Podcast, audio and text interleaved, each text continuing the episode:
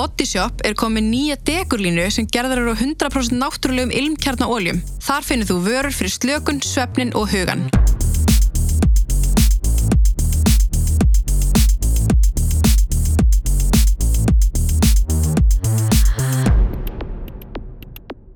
Til minni komið gestur sem er Þórdís Elva og hérna við ætlum við að taka fyrir bara málið, Johnny Depp uh, Amber Heard málið uh, við ætlum nú reyndar ekki að fara í sko málið sjálft heldur að ætlum við svolítið að ræða bara sko heiftina í kringum það áhrifin sem það hefur jafnvel á, á Me Too, hvort það hafi áhrif og uh, stafræna ofbeldið og Mhm. fleira þannig að ég býði bara velkomna Þórdís. Takk fyrir.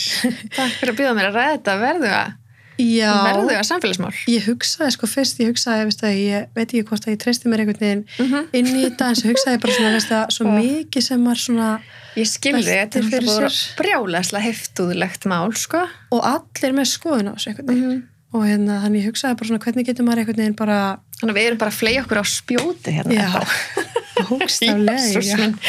Ah. En ég held sko eh, ástæðan líka af hverju hérna með langaði til þess að fá því þetta spjalli líka vegna þess að þú hefur alveg uh, reynslu og þekkingu á svona eins og þessu net uh, ofbeldi og þannig Einmitt. Við hvað varst aftur? Þú varst að vinna við í rauninni einhverja fræðslu eða ekki á þessu máli Uh, já, sérst, jú, ég vinn við hérna viðndavækningu meðal annars um stafrænt ofbeldi sem á sér þá forsögu að ég er hérna 2010 þá sérst ég stjórn kvennat hvarsins hér á Íslandi og sitt þar í fjögur ár og var stjórnaformar í tvö ár og á þessum tíma var einmitt svona samfélagsmiðlar að springa út og allir og ammaður að voru að koma á Facebook hérna, fyrir forðinsakir, hvað ár komst þú á Facebook? Vá, Varstu ég það? man það ekki Ég er auðvitað svona eitthvað 2007 Já, akkurat. 2008 Akkurat. og sko á þessu bili, svona 2007-10-11 þá sprakk Facebook út og við fengum okkur öll reikning. Með að minna og Íslandingar eru held í 98% eða eitthvað á Facebook í dag. Mhm. en sem sagt, það sem gerðist samhlega þessu var að við fórum að verða varar við það í stjórn hvernig hvað bara í gegnum okkar starfskonur að hérna að konuna sem voru að leita í atkvarfið uppliði sig kannski svona læstari inn í sínum ofbeldissamböndum en nokkur sinni áður. Og í ljós kom bein tenging við í raun og þess að breytingu sem verður á samfélaginu þegar að- samfélagsmiðlar hérna, gera innriði sína. Vegna þess að veist, áður fyrr bara allt frá 1996 þegar interneti verður svona inn á öllum heimilum að þá auðvitað var þess að hætta fyrir hendi að ef að til var eitthvað stafrænt efni af þér til dæmis í einhverjum varnalösum eða kynferðsluðum aðstæðum sem þú vilt bara ekki að bera fyrir auga annara að þá auðvitað var möguleiki fyrir hendi að það erði sett á netið gegn hérna, þínu leifi eða þínu án þíns samþykis og auðvitað getur valdið þá bara usla og, miklu sálrænu og álegi Mhm. og innra á syngalífi og kynfrelsi og allt það. En það var kannski ekki hægt að valda sama skada eins og núna var hægt að valda. Þess að núna var komin sko, samfélag, samfélagsmiðl þar sem að 98% af öllum sem þú þekkir eru á. Veist, fóreldrænir, börnin þín vinnufélagar, hérna, gamli skólafélagar, gamli kærastar bara allir sem þú kennst á lífslegin allt einu kominu til sama hattin þannig að núna ef ofbeldsmaður hótaði að setja alltaf kynlýsmyndband sem hann tók upp án þennan vitundar eða með þínu samþykja því auðvitað er það líka allt í lagi. Mhm. þegar að, hérna, fólk vil gera slíkt í sínum ástursamböndum þá er það bara fína lagi. Hins vegar er náttúrulega ólulegt að ætla sig hana að dreifa því eða nota til þess að hóta Mhm. viðkomandi með einhverjum hætti eða kúa viðkomandi með einhverjum hætti en núna sem sagt var það orðið svo áþreifanlega og að, að ofbildismanneskjan gætt sett þetta á Facebook og takka alla sem þú þekkir bara Mhm. allir sæju þetta og það var miklu meira kannski óhugsandi tilhugsun heldur en að þetta en- enda á einhverju klámsíðu sem ólíklegt væri að, að fólk segi sko. Mhm. Þannig að mér fór að finnast þetta mikið áhugjefni. Mér fannst einhvern veginn eins og bara þetta stafran ofbeldi væri svolítið að leggjast eins og lím yfir, þú veist, aðrar tegundir ofbeldi sem að beitt er í nánum samböndum. Það er að segja þetta líkamlega, þetta kynferðslega og þetta andlega að hérna var alltaf komið svona ofurvopn sem gæti einhvern veginn bundið alla hérna þættina saman og læst fólk inni í þessum ofbeldi samböndum. Þannig að ég var svolítið uggandi yfir því að við værum einhvern veginn ekki að ræða þetta. Vistu, við værum ekki að tala almennilega um sko bara að stafrætt ofbeldi er líka ofbeldi og bara í raun og veru kannski undir stöðu ofbeldi í dag Mhm. vegna þess að sko um, segjum á að vera fyrir kemferðsbroti í hérna sem er ekki í stafrænu samengi segjum á vera fyrir kemferðsbroti bara inn á skemmtistað þá er það þú veist eitt afmarka atvik í tíma og rúmi sem á sér upphaf miði og endi.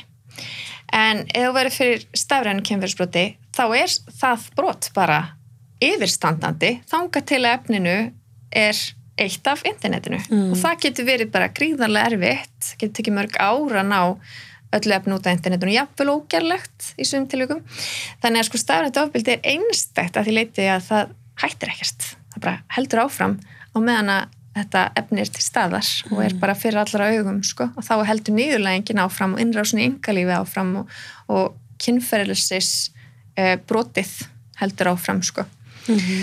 Þannig að hérna, já, þannig að ég byrjaði svona að reyna að vekja aðtekla á svo þetta var áður en að við höfðum kannski almennileg hugtök fyrir þetta. Í dag tölum við til dæmis um það þegar nektarmyndum sér drift, er drift án samþykis þá tölum við um hérna e, á ennsku image-based sexual abuse en á íslensku eru fann að tala um myndrænt kynferðsofbeldi. En á þeim tíma töluðum við ennþá í hugtökum sem eru bara mjög úrælt og skadalega eins og að segja hérna, hemdarklám til dæmis.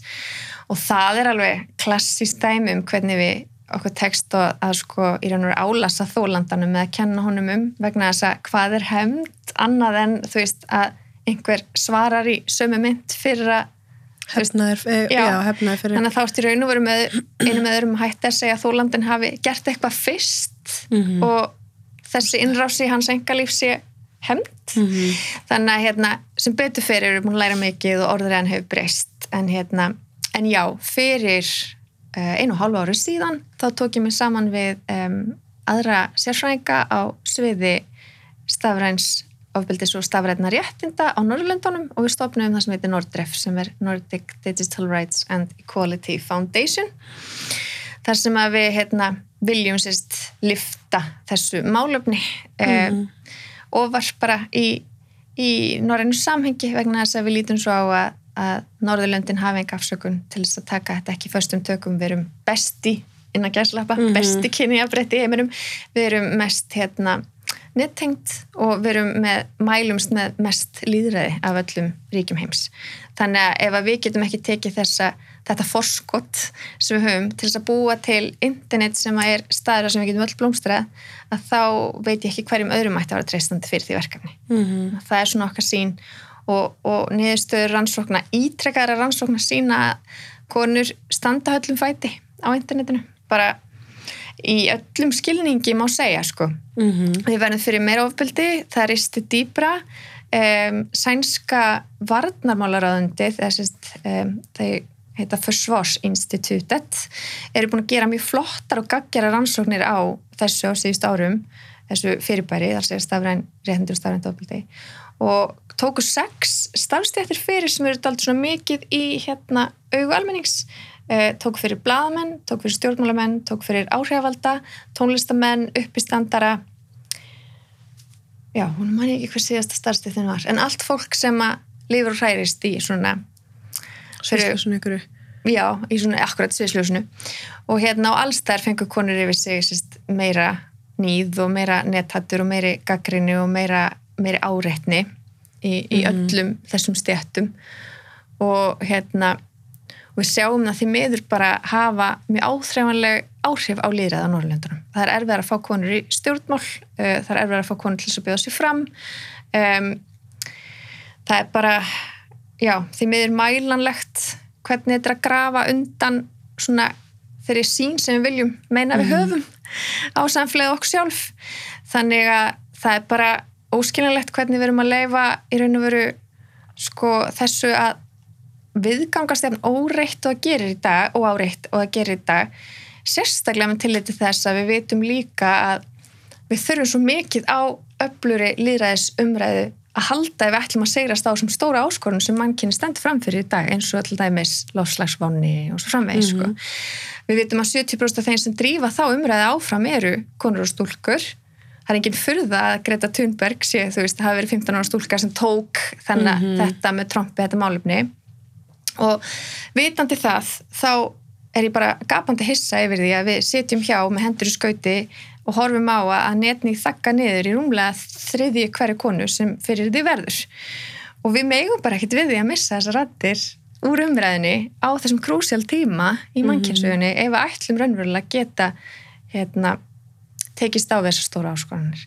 Þannig að já, þetta er mikils að vinna og, og margt sem að spilar inn í þetta stafræna umhverfi sem að við viljum skapa og við eigum bara að gera kröfur og við eigum að axla ábyrð og mér finnst bara að það er þörf á vindavakningu á þessu sviði, sko. Algjörlega, því þetta að hérna, Amber Heard Johnny Depp máli fór varði einhvern veginn bara stórt, bara eitthvað svona samfélagsmiðla einhver bíómynd í rauninni Mm -hmm.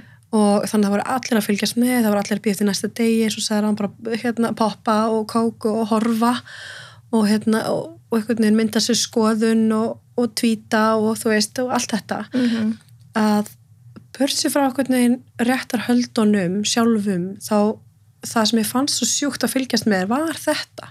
Hvernig við, hvernig við einhvern veginn horfðum á þetta bara eins og eitthvað eitthvað, eitthvað sjómasefni Já, og algjörlega. já, Sko, fyrsta svona sjónvas réttarhöldin í sögunni sem urði eitthvað svona, fekk eitthvað heimsáhorf voru hérna O.J. Simpson réttarhöldin og ég myndi segja að þetta séu kannski fyrstu réttarhöldin í, í verðaldasögunni sem fá svona net á, eða verið svona, er svona internet réttarhöld Mhm. frá upphæð til enda, svona live streamed bara með heimsáhorfi og jú, vissulega eins og þú segir, það varð uh, eins og ákveðin tegund af afþrengu Mhm. í þessum skilningi. og uh, sko og kannski fyrir þá sem vita ekki, held að flesti vita nálega, en þá var Johnny Depp að kæra Amber Heard fyrir meðir það sem hún skrifaði uh, að hún væri þólandi ofbeldis og hérna og það sem ég fannst líka svo áhugavert er sko að ég sjaldan sé jafn mikla sko skiptingu á fólki bara annarkvort hérna hataru hana eða elskar hann það er bara annarkvort og að þú ert ekki með afstöðu að þá ert á samt fólk reitt sko að þú þurfir að vera með afstöðu og, og bara allir sé heift kemur svo mikið í veg fyrir það að maður geti átt einhver, einhvers konar umræðu um málið sjálft og bara svona aflegar Já. af málinu og allt þetta. Þannig að við langaði að söknir að reyna að separata bara málið frá áhrifunum sem þetta er að hafa því núna vilja margir meina að þetta sé bara rosalegt bakslag fyrir Me Too og aðri sé vilja meina að Me Too sé bara ónýtt þú veist, hvað finnst þér til dæmis um það? Já, akkurat. Ég er alfarð ásamála því. Um, um leið, sko, já, ég tek undir allt sem varst að segja. Hérna, mikil heift Mhm. og rosaleg, hérna, svona hópaskipting og í raun og veru, hérna, 99% af internetinu mælanlega með honum í liði. Mhm. Eh, Ef við horfum bara á tölfræðina á sko, þær klippur á TikTok sem hafa fengið sko, áhorf og like að þá var hún með 81 miljón sem var sérst, I stand with Amber Heard hashtagið á móti 19 miljörðum hérna Justice for Johnny Depp þannig að þarna sjáum við bara alveg ótrúlega mikla svona eh, slagsíðu, getur við sagt þannig að jú, vissulega var þetta aldrei neitt sérstaklega jafn leikur eh, í þessum ákveðnu réttarhöldum og eh, líka rétt að það var mikil heift og svona, maður fann fyrir þessari pressu að einmitt, að hérna, hatast út í hana og, og halda með honum. Og hérna það er nú við sem að fáumst við jafnbritti og feminisma ekkert óvanars mm en, hérna, en það sem að mér fannst forkastanlegt að marganhátt við þetta var einmitt sko þessi samtfinning við Me Too og núna væri við búin að finna konu sem að væri ekki kannski hinn fullkomni þólandi og væri aðna búin að veist, gerast margsaga um hitt eða þetta, eitt eða annað og, og væri kannski hérna e, hægt að e, rýna einhver viss sönnunagögg sundur saman og, og veist, og þarna var ákveðin hópi fólks tilbúin að rísa upp á afturlappinar og, og einhvern veginn loksins rosa sigri yfir því að við fundum konuna sem lígur og hérna og auðvitað hefur konan sem lígur kannski verið þú veist, svona táknmynd sem að leita hefur verið aðlogandi ljósið frá því að mítúrhefingin svona uh, varð til vegna þess að þá skapaðist líka ákveðin svona krafu um að við triðum þólendum það, það gerðist samhlega MeToo reyfingunni. Þannig að hérna, öllum sem fannst það óþægilegt, sem fannst það ógnar sinni heimsmynd að þurfa alltaf að trúa þólendum, að fyrir þá er það náttúrulega mjög hendugt að hér sé komið fram kona sem er hægt að einhvern veginn um, taka minna trúanlega, jáfnvel útrópa sem legara að, að það sé, þú veist, það er svo að fá pálmann upp í hendunar hreinlega. Mm -hmm. Þannig að sko, það held ég að skýri kannski á vissan hátt um, svona ákveðin hlut af heftinni og auðvitað skiljaði upp af vissu marki að sko það er óþægilegt þegar heimsmyndinum hans er ógnað það er óþægilegt að þurfa að, að sko gera breytingar á ríkjandi ástandi af því það er svo þægilegt að bara gangast upp í því sem hefur alltaf verið mm. og ef ég þarf alltaf núna að hórast auðu við að hjartaknúsarinn sem, sem ég hef alltaf litið upp til og fundist frábæð leikari er möguleg ekki allra sem hann séður eða fyrirliðið minn í fókbólta sem að ég held að veri besta mögulega fyrirmynd fyrir börnum mín eða uppbólsleikstjórin minn eða eða Bill Cosby eða hver það nú er þú veist, sem leikur út í grunn að hans er mögulega mannskja sem færum beita ofbildi þá er það að sjálfsögja óþægilegt mm -hmm. það er mjög óþægilegt og auðvitað er notaleg tilugsun að fólk skiptist bara í tvo flokka, þessi bara góði menn og vandi menn og það sé rosalega auðvelt að gera greinamun þar á mm -hmm. ef að það væri raunin þá væri bara miklu auðvelt að lifa í þessum heimi. Þannig ég mhm. skil tilningu fólks til þess að vilja halda, rík halda í þetta sakleysi skulum við segja. En þetta eru þetta ekki sakleysi, þetta eru þetta ránkumend af því að alls konar fólk beitur ofbeldi og, og fólk sem beitur ofbeldi gerir líka alls konar aðra hluti sem eru jáfnveil bara frábæris eða til bóta fyrir samfélagið heilt. Og það að þurfa að halda þessum hugsunum í höfðinu samtímis, báðum þessum hugsunum samtímis er flókið. Mm -hmm. Það er ekkert hlaupið að því þegar heimsmyndin hefur alltaf verið svarskvít. Mm -hmm. Og þá er þægilegt að geta gripið í stereotypunar og, og, hérna, og haldið þeim á lofti. Og það er held ég svolítið það sem við hefum séð gerast í, í þessu máli. Mm -hmm. En eru við, eru við hérna, þú veist eins og öll þessi heft sem við erum að sjá netinu, þú veist eins og við vorum að tala um aðan, að stafrænt ofbeldi er líka ofbeldi uh -huh. þannig að við erum einhvern veginn að sjá hérna réttarölda sem ég veit ekki, bæði er að saga hvort annað um að beita ofbeldi uh, og við erum einhvern veginn að mynda okkur skoðin hver er, hver beitti meira ofbeldi og eitthvað svo leiðis uh, en svo eru við, ég tala bara við þessin bara samfélagið einhvern veginn á heimurinn uh -huh.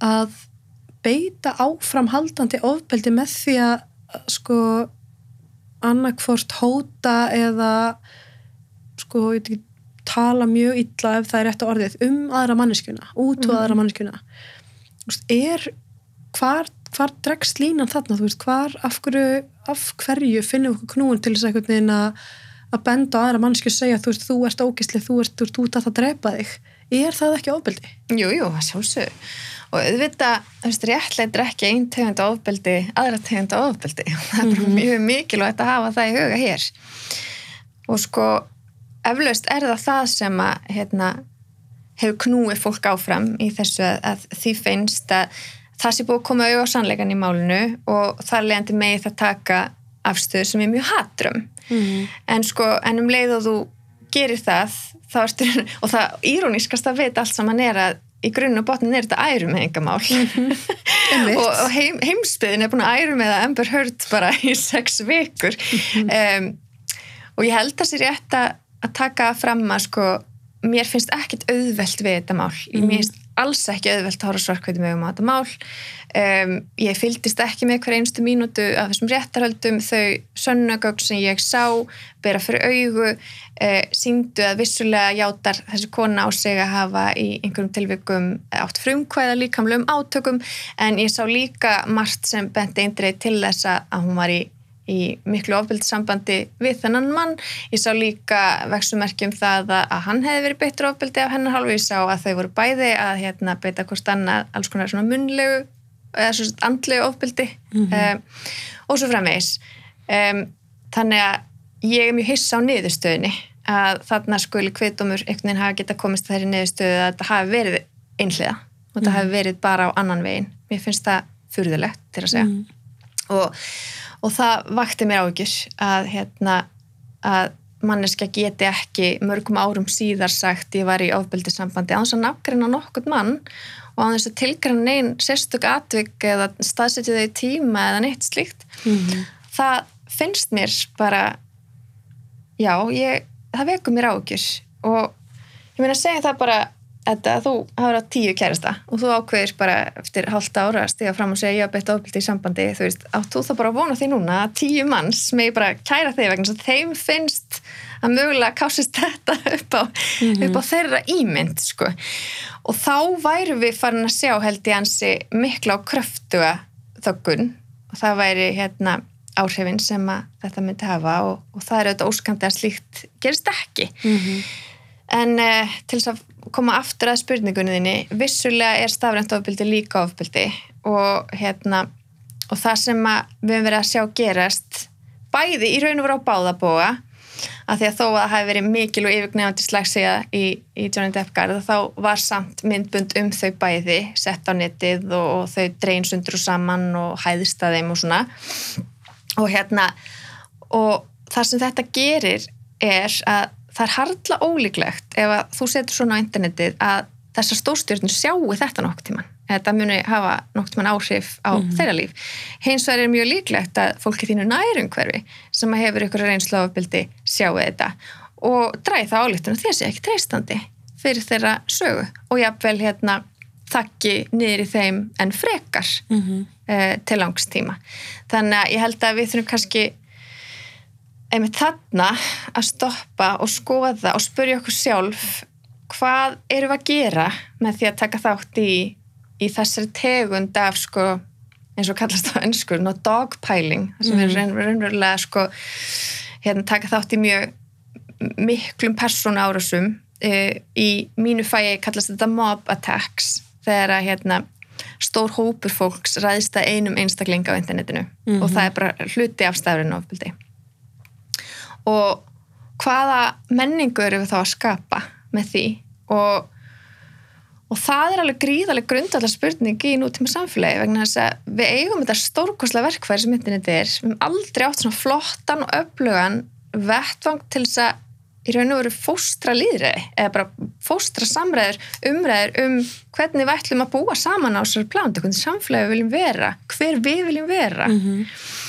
og sko til þess að geta smíða þann vettvang, þá verður líka að gera kröfur.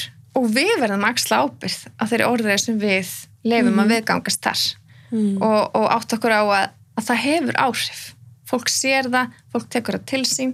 Kannski ekki einmitt þessar stórstjórnir og þú heldur þar að leiðandi þá sé þetta ekkert mál. Og þar að leiðandi þá sé, þitt, sé þitt framlag inn í þessa orðræðu ekki að fara hafa neina áhrif. En þá gleymur því einmitt að segjum að þú sért um, einstaklingur sem er að að hæðast að Johnny Depp sem eitthvað kallkynns, þólandi heimilisofbildis og ég menna hefur séð Amber Heard, hún er 50 km skólatösku og eitthvað svona mm -hmm. þú veist, að þú heldur mögulega með þessu þá sertu að yfka einhvern skadlausan leik vegna þess að þetta munir Johnny Depp aldrei sjá eða taka til sín, en mögulega mun kallkynns þólandi heimilisofbildis í þínu næringverfi sjá þetta mm -hmm. og, og hérna og bara skrýða en lengra inn í sína skell að því að þú veist það er lægi að, að draga mína karlmennsku Eva eða bara mína, minn trúveruleika mm -hmm. Eva.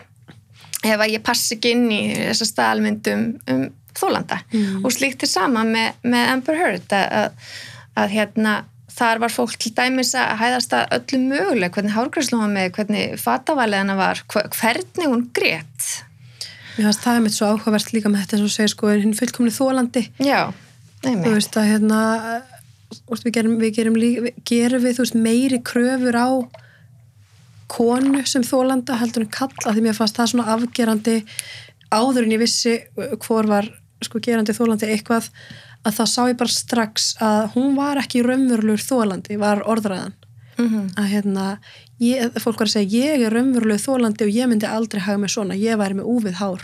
Ef, ef hún væri með þólandi þá var hún með úvið hár. Já, alls konar svona, þú veist.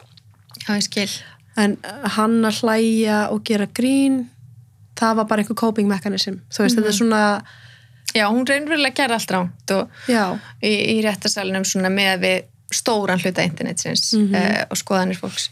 En hann, honum leiðist meira. Og ég held að ég mitt ef hann hefði ránkvælt augunum, nei hún hefði ránkvælt augunum og hleyið uh, að því sem hann sagði í vittnastúkunni þá hefði það einmitt verið notað til þess að styrkja þá mynd að hún væri geðveik og ofilsmannski á allt það. En því var öfugt farið að, að það var einmitt, eins og segir það var útskýrt í hans tilviki sem bara hérna, einhvers svona sjálfsberga viðletni en hefði hún gert það það hefði verið notað sem sönnagag þess efnis að hún væri nú örglega ofilsmannskja mm -hmm. sem að það geti ekki alvarlega ás fram með sko. mm -hmm. þannig að já, algjörlega og þessi hérna, hugmyndum hinn fullkomna þólanda ég held að hún hafi því miður bara á marganhátt styrst í sessi þarna í þessu máli að því að það virtust svo margir einhvern veginn hafa það handrit á hreinu mm -hmm. eins og þarna þú tókst dæmi um að hérna hinn fullkomni þólandi er með úfi hár þú veist, í hvað handbókstöndu það? Og þetta er bara líka held ég mjög varhugavert að svona hugmyndir fá að standa óáreittar vegna þess að við vitum auðvitað að það er ekki til einn rétt eða raung viðbröð mm. við ofbeldi. Og það bara sá sannleikur tók sko ára tugi að, að stempla inn eða bara að koma á framfæri. Að þú veist þeir gæti alveg hafa verið nöðgað þótt á að hafa farið í styrtu eftir á eða smessað ofbeldismannin þú veist, daginn eftir. Það, það er svo margar mm -hmm. hérna, ólíka byrtingamindir þess að vera í afnitun eða áfalli eða einhversu slíku. Og við erum loksins núna farin að þú veist, opna augun fyrir já, heyrðu, það er mögulegt að hérna, fólk sem er í afnitun eða áfalli bara hægir sem er alls konar hætti. Mm. og einmitt stíf máli sig eða, eða bjóði ofilsmanninu sínum á deitt þú veist, ég menna, slíkt hefur gæst mm og það tekur ekki, hérna, greifir ekki undan þeirri staðreinda og byrja átt sér stað, einhvað síður. En í þessu máli þá skemmtilega var, var komið fram greiðalega stert handrita því að virtist um hvernig hérna, um, mannskja með ofbildisögu haga sér, mm -hmm. hvernig hún talar, hvernig hún grætur, hvernig hún ber sig og svo mhm. framvegis.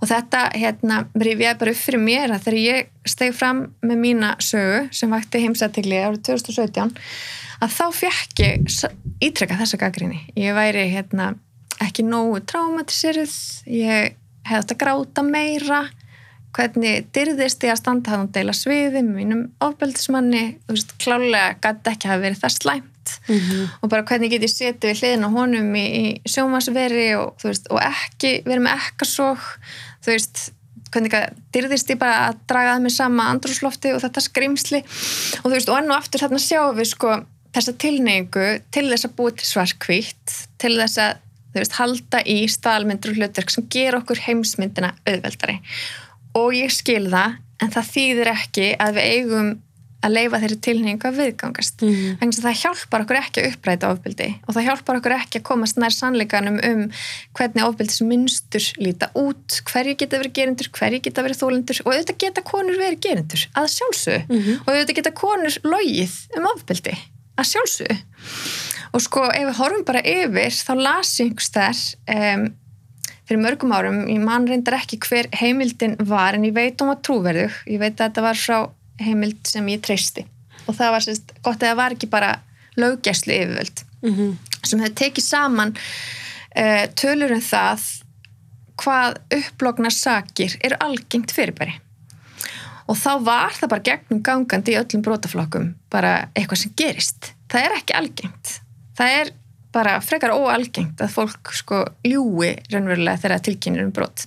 En það var 2% eða eitthvað í öllum flokkum svolítið heilt yfir og hérna, ekki bara kynferðsa nei, nefnilega nei. ekki bara og sko þú veist, þannig erum við að tala um bara allt frá skilur, inbrota til tryggingarsvils, til hérna, skattsvika til, guðmávita mm -hmm. allt mögulegt og hérna þú veist, að því að auðvitað er þessi breyskleiki til í mannlegu samfélagi og fólk hefur alls konar ástæður fyrir því að segja ósatt mm -hmm. Stundum er það heitin yllvilji en stundum er það bara alltaf ástæður og stundum stendur fólki þeirri meiningu að hafa voruð fyrir broti sem var það ekki fyrir. En það sem mér gremst og er kannski til marksum að, að hérna, enn og aftur konur standa höllum fæti í ákveðinu skilningi er að hérna, við verðum alltaf einu svona hýper meðvitið um sannsögli akkurat í þessum brotaflokk. Mm -hmm. þegar konur er annars vegar að saka karla um ofbeldi. Og það er ennþá meira á brattan að sækja ef maðurinn sem sakaður er er í valdastuð mm -hmm. þá er ennþá meiri tilneng til þess að líta svo á að konan sé að segja ósatt mm -hmm.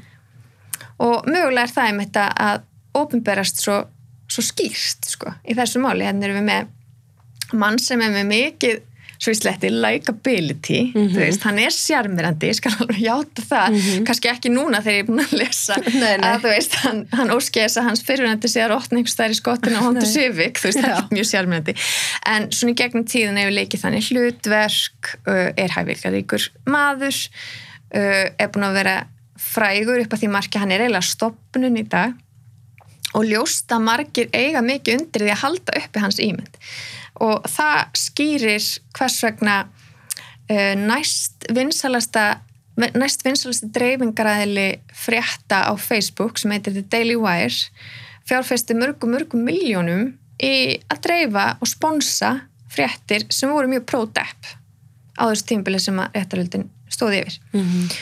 og sko einn póstur sem að fór með bara beinlínis ránkvæslus uh, helber ósanandi sem að tiltók að uh, það hefði síst, verið afsannað uh, 12 af 14 um, ákæruliðum í breska sakamáluna þar sem að uh, Johnny Depp kærði fyrir meðiri en síst, hér rétta er að það var akkurat öfugt að dómurunum þótti sínt að hann hefði beitt ofbeldi í 12 af 14 hérna, umrættum atveikum mm -hmm. en sumsi ákveður Daily Wire að eigða fjórum miljónum íslenskra króna í dreifingu á þessu, þessum ósanindum eða þessum að flokkast bara sem misinformation í dag og ala enn frekar þá á einmitt anduði hennar garð og, og svona búa til mjög skekta mynd Mm. og sko það er ekkit ósekju að núna á, á það sem við kallum upplýsingaöld að þá sé Evropasambandið að skilgreina sko misinformation sem eina helstu ógn samtímas og það er vegna þess að dreifing rángra upplýsinga getur bara haft svo gríðarlega áhrif ekki bara á einstakling svo Amber Heard í þessu tilviki heldur á samfélagi heilt Mhm. og það eru til dæmis uppi ummerki um það að, að talandum kynja jafnbretti að það séu ákveðnir hópar sem eru bara í mikill útbreyslu af hérna, misinformation sem að snúa því að festa í sessi kynja staðalmyndir. Að hérna, færa okkur svolítið aftur til þess tíma sem að það var bara í eðli hvenna að vera umunræðilar og vera inn á heimilunum og hérna, það er þar alveg bara í eðli kalla að vera fyrirvinna heimilisins og svona. Að, að þetta upplýsingarstríð er bara háð mjög grimmilega á internetinu í dag og, og það eru hérna uh, rannsóknir yfirstandandi á áhrifum þessa á almenningsvitund um mm. kynjajafbreytti og það er alveg mælanlega áhrif að þar er bakslag. Uh, saminuð þjóðunars taka alltaf saman uh, tölur viðhors, hérna, viðhorsrannsóknir til kynjajafbreyttis uh, með alveg gríðalegu úrtaki alveg ofbúslega mikið af fólki sem að setja fyrir svörum og þetta eru tugir landar sem taka þátt og hérna og það var alveg sláandi í síðustu tölum sem voru gefnur út á 8. mars alþjóðabartið hvenna fyrir tveimur árum eh, hvað bakslæði var áþreifanlegt Mhm. að hérna uh, helmingum mannkins lítur svo á að uh, Karla sér betri leiðtvar nýja af hverjum tíu eru með fordóma í gardkvenna með einhver kynja staðalmyndi sem er þá neikværs í Mhm. gardkvenna og þriðja hverjum einstakling í heiminum finnst að karlar eigi að fá að berja góðuna sér, að það er bara að vera löglegt. Þannig að sko það er alveg á brettan að sækja og við megum ekki gleyma þessari sko heildarmynd þegar við horfum síðan á svona heimsmál eins og Am- Amber Heard Johnny Depp varð. Þá megum við ekki gleyma því að þú veist auðvitað er það að spilast þú veist fyrir augunum á fólki með svona gríðarlega ólíkan menningabakgrunn Mhm. í raun og veru. Þannig að sko við erum ekkert að sjá þetta mál eiga sér stað í lofttæmi. Við erum að sjá það eiga sér stað í heimi þar sem að nýja af hverjum tíu eru með fórdóma sem byggja á kynferði. Mhm. þannig að, hérna, þannig að þetta er ekkert jafn leikvöllur frá upphafi sko. Nei, eins og það er það mjög ekki?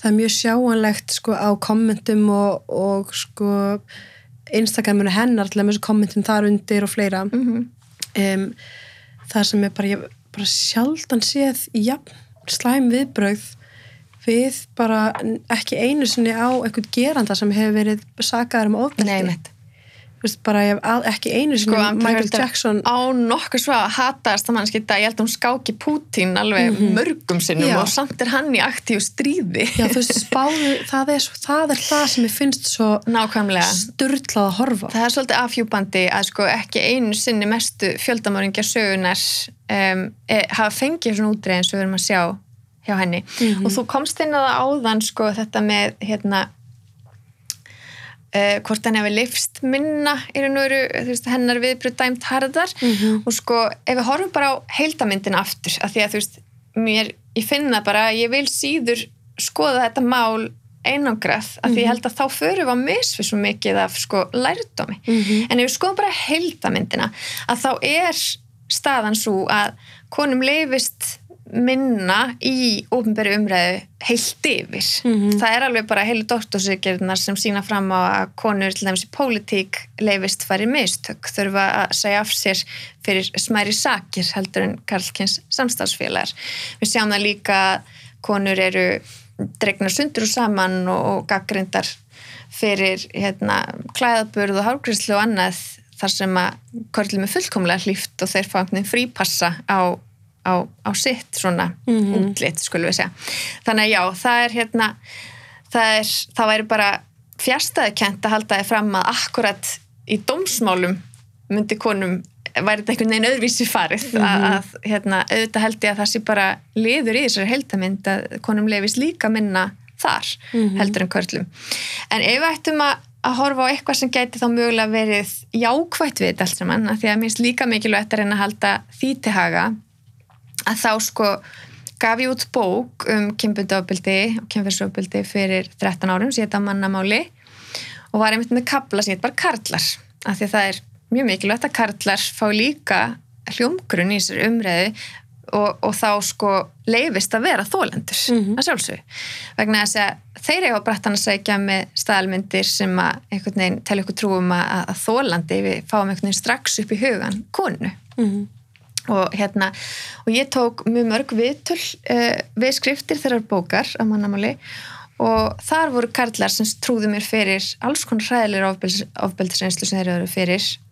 Og sögðu jáfnframt en ég mun aldrei greina frá þessu því að þú veist, enginn mun trúa mér skilur, mm Mhm. karlar verða ekkert fyrir svona. Og að því leitinu til er jákvæmt að sjá að, að það verðist ekki vefjast fyrir neinum í dag að, að trúa því að, að Johnny Depp gæti haft eitthvað til síns máls eða gæti verið þólandi Mhm. og, og sem móðir þryggja drengja að þá finnst mér það líka eitthvað sem að kannski sýnir að umræðan er komin á annan stað og er orðin aðeins margbreytilegri og, og hérna, það er fleiri sem að eru teknið trúanlega sem þólendur í dag og það finnst mér auðvitað jákvætt að sjálfsög en að fórnarkostnæðin þurfa að vera þessi Mhm. að við sjáum alltaf þetta stafræna ofbildi og við sjáum allar þessar kynjuðu staðalmyndir um konuna sem lígur um, hérna, um hvernig hún fullkomni þólandi haga sér og já, bara allt þetta aðtæfi sem að blómstra á internetinu sem að kannski byggir á svona legstu kvötum mannskunar. Það er mjög Mhm. leitt að það hefur verið líka samhliða þessu öllu saman að- að útspilast fyrir hugskottsjónum okkar og, og augum og mér finnst þarna spurning um að við öll stöldrum við og áttum okkur á að með hverjum einasta smetli á internetinu erum við að skapa og viðhalda menningu. Og ef okkur mislíkar þessi menning að þá, þá höfum við val um að taka þátt í henni eða ekki. Og fólk enn og eftir kannski lítur á sig sem þú veist, já en ég hef engin völdi í þessu samengi það er bara ekki rétt, þú hefur bara fullt af völdum í þessu samengi sko, ég hef setið með þólendum til dæmis eh, myndræns kynfyrsóbildis þar sem myndum með mynd skeiðum að dreift. Og þau, þeim, þau upplifa að í hvert skipti sem einhver smellir á umrætt myndskeið sem var dreift án samþykis að þá sér nú verið að brjóta gegn þeim á nýjan leik því þannig er ný manneskja að ráðast inn í mitt engalíf ný manneskja að svifta mig sjálfsákvörunaréttinum og taka frá mér kynferðsið þannig að sko mér, ég gleymiði aldrei þegar ég var með konu grátandi ákslun á mig sem sagði 183.000 183.000 Vist, hvernig jafna maður sig á því að 183.000 manns hafa orðið vittnaði niðurlægingum manns og raun og veru tekið frá manni réttin til þess að ákvarða sína eigin kynverund? Hver fær að sjá mig í kynferðslum aðstæðum hvar og hvernig? Og sko í hvert skipti sem að við smellum á horfum eða lækum efni sem að staðfestir eða já, festir í sessi einhverjar skadalega staðalmyndir. Þá erum við um leið að í raun og veru hafa bein áhrif á menningu samtímans og, og hvað hvað er bóðlegt, skulum við segja.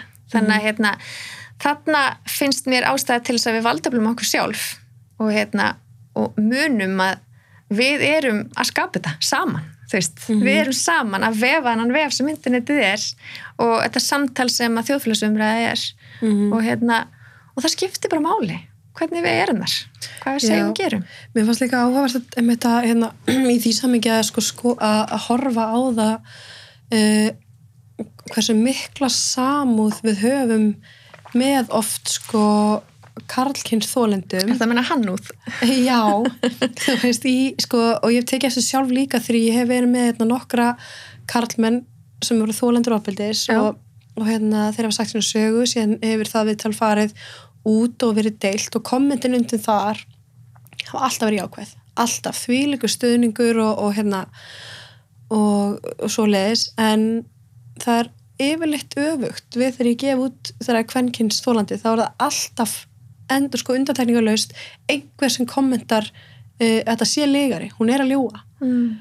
þannig að þú veist mér finnst mér fannst það ekkert eitthvað svona koma mér svakalega óvart að fólk hefði sko trúað honum. Og ég er ekki að segja ég, að ég trúa honum ekki heldur bara þú veist það komur ekkert neitt rosalega óvart. En, en mér finnst þetta samt einhvern veginn þú veist eins og hvo, hvernig sem þetta hefði farið þá hefði hún einhvern veginn aldrei átt sjens Mm. ég man eftir að hafa hort á hana sjálf einhvern tíma að tala og ég hugsaði bara þú veist, það er eitthvað sem perrar mig við hana. Og það var bara mín einhvern veginn skoðun á henni og ég verið einhvern veginn að láta það ekki hafa áhrif á mína skoðun á þessum máli því ég var ekki með öll gögn og eitthvað. En þannig ég skil alveg stundum fólk sem tekur svona sterka afstöðu í þessu máli vegna þess að, og ég sá líka annað kommenta sem einhver kommentaði sko, ég veit ekkert um málið en, en hún var alveg svakalega pirrandi uh, og ég hata hana bara. Mm.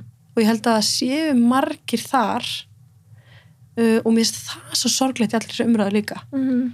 að við séum einhvern veginn alltaf bara hérna bara því konur eru yfirleitt einhvern veginn, það við erum horfum á konur sem oft meira pyrrandi, við gerum meiri kröfur mm. það er við gaggrínum þar miklu meira þannig að ég er svona minnst þetta eitthvað sem svona fólk þarf kannski svolítið að líta inn á við líka sko Mhm. Já, algjörlega og sko ef að, svo í sletti, likability Mhm. væri, þú veist, forsendan fyrir þessu máli, þá hefði það hefði aldrei þurft að fara inn í dómsal með það, þú veist, að því að ég meina það er nokkuð ljóst að þarna er mjög ójafn leikvöllur en og aftur. Þú veist, þarna er annar aðeilinn búin að vera sko global hjartaknúsari þú veist, í 20-30 ár og bara veist, hafði, hafin upp til skíjana fyrir sína hæfileika og, og, hérna, og þar sem hann hefur fært inn í menningararf segja. En hún náttúrulega bara ekki næstu mig af langan fyrirlega baki og miklu færri aðdándur og miklu minna sko völdu áhrif í, bæði í Hollywood og bara almennt sko. Þannig að það er augljóst að, að likability má ekki vera það sem að sker úr um hvernig við förum með svona máli í dómsal. Hins vegar í bandaríkjunum eru þetta, þetta einstaka kerfi það sem eru kviðdómendur. Mm. og, og það er auðvitað bara svona venlegt fólk eins og þú og ég sem einmitt verðum fyrir áhrifum finnst einhver vera pyrrandi þú veist, og erum búin að horfa á Edward Scissorhands 13 sinnum, þú veist. Og að því leitinu til að þá vakti það mikla fyrðu að hérna, þessi kviðdómyndur hefði ekki verið sett í fjölmilaban vegna þess hvað var gríðaleg umfjöllun og einmitt sko hlutræk umfjöllun eins og ég var vitni í áðan hérna, mm. risastóra fjölmjöla samsteipur að dreifa vísvitandi rungum upplýsingum sem voru honum í hag. Mm. um, og enginn býr í veist, við verðum auðvitað fyrir áhrifum að því sem fyrir auðvitað okkar ber. Og akkurat þess vegna var til dæmis í Breitland og er gert hérna, þar eru sérst, er sett í fjölmjölabann þegar svona málstandi yfir og hérna það, það skulle ekki hafa verið gert í, í þessu máli kannski skýrir á vissan hátt mm. hver, hvers vegna fór sem fór Já, Vegna hann að- sérstaklega bað um það sko Mhm. sá ég að hérna, hann hafi beðið um sérstaklega um það að kviðdómurinn myndi fá að hafa aðganga fjölmiðlum. Já, og ég veit það líka að hérna, þegar gerð var úttekt á sérst, hinn svo kallu bottum sem er um, algoritmi já, ég held að algoritmi sé kannski einfaldast að leiðin til að útskýra það en það er sérst í raun og veru um, verður til þess að hérna vélar stopna samfélagsmiðla aðganga og tjá sig síðan gegnum þá aðganga en ég er ekki manneski á bakvið heldur sko forritun að baki. Og þegar að gerð var úttekt á því að þá kom í ljós 6 til 10 þúsund bottar sem að voru stopnaðir með það að markmiði að spúa svona pro-depp hérna Mm -hmm. áróðri og, og þá anti-Amber Heard áróðri og sko enn og aftur þó að þú veist, sama hvað manni kann að finnast um þetta fólk persónlega og þó maður sé hérna, eldheitur Johnny Depp aðdándi og finnist Amber Heard fráhrindandi eða öfugt, finnst Amber Heard bara mjög trúverðu og, hérna, og finnir mikið til með henni og finnst hann gríðalega fráhrindandi manneskja ekki síður núna þegar að komið er í ljós hérna, kannski það versta í farið er að begja þú veist, óháð þessu að þá er svo óneitanlegt þegar gögnin eru skoðuð ekki bara gögnin í sjálfu málunni við setjum það alveg til hliðar heldur bara þessi mynd sem tegnast upp á internetinu að, að þar voru greinilega mjög miklir hagsmunir eh, sem að rauðust upp við hans lið eða fólk sem að greinilega þótti hérna, það eiga mikið undir því að, að hans hliðnaði fram að ganga og á kostnað sannleikans þannig að sko ég er ekkit hissa að fólk sé ráðvilt ég er ekkit hissa að fólk sé fullt af heift ég er ekkit hissa að fólk telji sig vera handhafa sannleikans þegar það er búið að mata það á hérna, mjög svona hlutdrægri umfjöllun í margar vikur um mannesku sem að þau hefur nú kannski þegar hérna, meira álita á Mm. heldur en, heldur en hinni sko. þannig að já, Já. þarna eins og ég segi, þarna teknast upp mjög stór, stórar samfélagslega spurningar um bara hvernig umræðu viljum leifa, hvað við viljum taka þátt í hvernig fjölmilar fá að stýra í hvað okkur finnst og, og hvernig og hvenar Mm. og það er heldur ekkert nýtt að, að hérna, smelli beitur til dæmis, ég held að þú hefur nú af eigin raun fengið að kynnast þeim. En hérna það að fólk sem er kannski nú þegar umdeilt eða er í stöðum þar sem að þar sem að mörgum finnst þér hafa hagsmuni af því að sjá þig knésetta Mhm. þú veist, að, að fólki þannig stöðu er yðurlega tekið og fleikt undir strætóin af fjölmjölum með því móti að, að hérna, það búin til einhver stormur í vasklasum viðkomandi sem er kannski hreinlega alveg úr lausulofti greipin til þess að geta smíðað æsifrétta hérna, fyrirsögn til þess að geta í raun og alið á sko um, já, hatri vil ég nú eiginlega segja í, í kommentakerfum eða minnstakosti miklum personárusum og svona svívirðingum Mhm. og þetta ætti ekki að koma okkur óvart að sé raunverulega gert bara með viljandi hérna, uh, bara viljandi hug uh, vegna þess að við fengum sem heimsbyggð að sjá svolítið hérna inni á baku tjöldin hjá til dæmis Facebook fyrir tæpu ári síðan þegar þar stegi fram kona sínt Frances Haugen sem að lag mikið af gögnum það sem stóð bara svart á hvítu að Facebook er fullkomlega ljóst að, að svona hatursfullt efni sem polariserar fólk, dregur það í þú veist tvær fylkingar og skapar svona hatrama stemningu og í raun og veru eigður öllum umræðu grundvilli veist, og býr bara til svona meðið á móti hérna andrumsloft að slíkt efni sem að við vitum að er skadalegt samfélaginu vegna þess að það eigðir trösti og samstuð að það er mjög ábatasamt veist, þarna líkur gróðavonin fyrir samfélagsmiðlarisana og fjölmiðluna vegna þess að fólk staldra meira við þetta efni. Það engeitir meira við svona efni. Og, og kannski ekki vegna þess að líkar það heldur einmitt vegna þess að líkar það ekki. Að hérna, fólk dreifir í og segir hvað eru þið búin að sjá þennan hrylling, hvað vitlis er þetta? Og kannski dreifir einmitt af þeim sökum.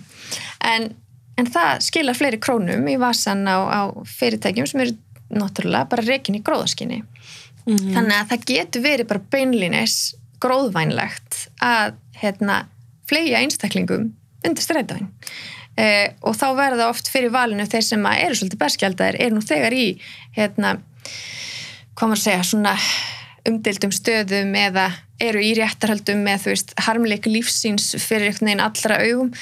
Og ég held að þó að heimsbyðin örgulega fengið tækifæri til að læra ímislegt af þessum tilteknum réttarhaldum að þá veit ég ekki hvort að mér hafi fundist að rétt ákvörðin yfir höfuð að leifa þessu að spilast svona út bara mm. hérna fyrir augum almenning sko Mm. af því að það var þetta mikið af bara mjög viðkvæmum persónulegum upplýsingum sem að þetta fólk mun aldrei geta tekið tilbaka og, og verða núna einhvern veginn bara að mýms Mm. það sem eftir er sko og hérna og mér skilst nú að þar hafi ef ég man rétt og en nú aftur ég nú ekki kynnt mér þetta mál alveg þaula en þar hafi hún barist gegn því eða sérst viljað að þetta fyrsta lagi færi ekki fyrir domstóla og öðrulega þær er þá lokuð réttarhöldin ekki hlotið áherð með það sko. Mm en hérna ég held að allir sem hafi einhverju reynslu af afbeldi hafi nú fengið á einhverjum tímapunkti svona óhug yfir Já, ég held líka sko hérna, það sem ég fannst oft sko að því ég um, þegar maður horfir á okkur svona maður getur örgulega fundið sko ég fann alveg uh, margt sem hún uh, einhverju upptökur sem hún var að tala við hann. Ég gæti alveg speklað sko uh, minn fyrirverandi uh, fyrir lengur síðan í, í henni. Þú veist og ég, ég gæti að já hún er að beita hann ofbeldi þú veist ég gæti en mér finnst oft sko eins og hérna þú verður kannski að passa sig einhvern veginn að, að þó maður eigi reynslu sjálfur að maður er ekkert sko sérfræðingur um annar manna heldur. Nei, að hérna að þú veist, maður getur einhvern veginn gætt séð bæði sko orðræði hjá báðum einhvern veginn óbeltis hnegða sko þannig ég, ég á svona oft erfitt með það þessar, þessar rosalegu skoðanir á netinu einhvern veginn Já, og sko vissulega, ég tek undir með þér, ég sá líka efni sem að benti til þess að þau hvort um sig eh, beitt ofbeldi mm. og þá hef ég líka hérna á síðustu dögum og vikum séð marga stiga fram með sko þá kenningu að, að hérna eftir langvarandi ofbeldissamband að þá fara þólendur gjarnan að svara fyrir sig eða taka þátt í ofbeldinu eða eitthvað slíkt hérna í sjálfsvarnarskinni eða, eða þeir jafnvel finna þar að byggjast upp ákveðin spenna í sambandinu og vilja þá bara rífa plásturinn af og bara í raun og veru augra Mhm. sko ofbeldsaðilanum til þess að bara fá það einhvern veginn þá bara út, bara hreinsa út og geta þá bara haldið áfram Mhm. þangað til að byggjast næst upp og svo framvegis og sko vissulega eru ofbeldi sambund alls konar Mm. Og vissulega er það oft hannig að annar aðilinn á frumkvæðið og, og, og hinn er viðtakandinn og eflaust er það líka daldi alls konar, vil ég meina um, en það sem okkur skortir sem heima setjum og, og fylgjumst með þessum réttaröldum er auðvitað samhengið Mhm. þú veist það er mjög erfitt að sláði 100% föstu hver var að bregðast við ofbeldi og Mhm. hver var í, í frumkvæðis hérna, gýrnum í þessu, í þessu ára langa sambandi. Mm. og ég veit ekkit hvort það sé auðvelt að slá því föstu að það hef alltaf verið svarkvít ég held að það sé bara frekar ógerlegt að gera það og þess vegna er ég hissa að kveðdóminum í Virginia hafi þótt að vera svona borlegjandi eins og, Mm. og dómurinn þeirra ber vottum og þó ekki vegna þess um leið þá fekk hún Amber Heard 2 miljónir dala fyrir sérst, að hafa verið ærumeitt þegar hennar um, frásagnir voru kallar hoax Mhm. en þó ekki af Johnny Depp sjálfum heldur af hérna, lögmanninum hans Mhm. þannig að sko, jú, þetta var nú kannski ekki alveg klift og skorið en, en það virðist einhvað síður sem að þeim hafi þótt ofbeldis kapitulin eh, þar gáttu þeir fremur hérna, heimfært Amber Heard sem geranda Mhm. með við dómin eh, heldur en Johnny Depp í þeim skilningi að, að þau líta svo á að það hafi vissulega verið ærumeðandi að hún skulle hafa spyrt hann saman við ofbeldi í augum almennings Mhm. að það hafi meitt hans æru og hans möguleika á, á starfsvali eða mm Mhm. hlutverkavali Já. Einmitt. En svona í kjölfarið, nei, núna er dómarum bara, hérna, hún á eftir að áfrýja, mér skilst að hún ætla að gera það, Mm. að, hérna, að það áruglega ekki eftir að skipta neinu svakalega miklu máli einhvern veginn, hver niðurstaðan er þar vegna það er einhvern veginn allir búinir að mynda sér skoðun uh, á málinu einhvern veginn.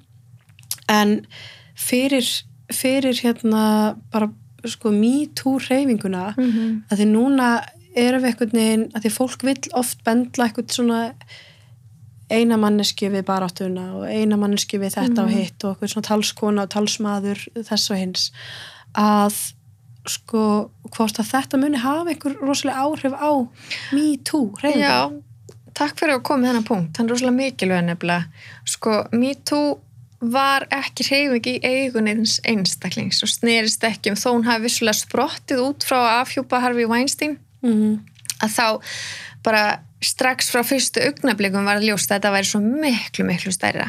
Að MeToo snerist einmitt ekki um að kjöldraga einhvern veginn geranda heldur um að afhjúpa kerfisbundi misrétti -hmm. kerfislegt ofbeldi sem að svo allt og allt og margir einstaklingar eru með reynslu af og vissulega varði þetta ákveðin hátt svona feminist kreyfing vegna þess að konur stegu þarna fram í umvörpum og lístu sinni reynslu og, og réttilega vegna þess að það er því miður mjög mikið kynbundi ofbeldi og misrétti sem enn þrýfst í dag. Mhm.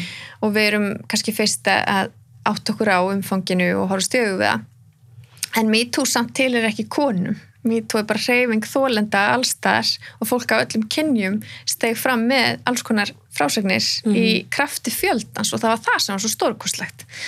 Og einmitt þess vegna er svo furðuleg afstæða þeirra sem er að lýsa yfir andláti MeToo núna með þessu máli eh, vegna þess að segjum sér svo að þú trúir Amber Heard og, og bara lítið svo á að hún hafi verið beitt ofbeldi í þessu sambandi þá er alveg stórfurðulegt að lítið svo á bara það að hún skulle hafa tapað erumæringumáli sé á einhvern hátt ástæða til að lí, lýsa yfir dauða mannreitindarhefingar sem var beinlínis stopnuð til þess að í raun og veru berjast gegn því misrætti sem meðal annars leiði til þess að, að konur og karlar í dómsölum njóta ekki eh, kannski sömu ég segi ekki réttinda, við eigum náttúrulega að vera jafnrétt há, gagvart lögum en sö, í sögulegum skilningi þá hafa dómsalir ekki verið staðir þar sem að konur sem beittar hafa verið ofbeldi hafa notið réttar síns eða fengið fram, réttlætinu framgengt heldur þvert á móti er margt sem betur til þess að dómstólar beinlinis verið smíðaðir til þess að standa vörðum orðspor karla og sérstaklega valda mikilvæg karla. Mhm.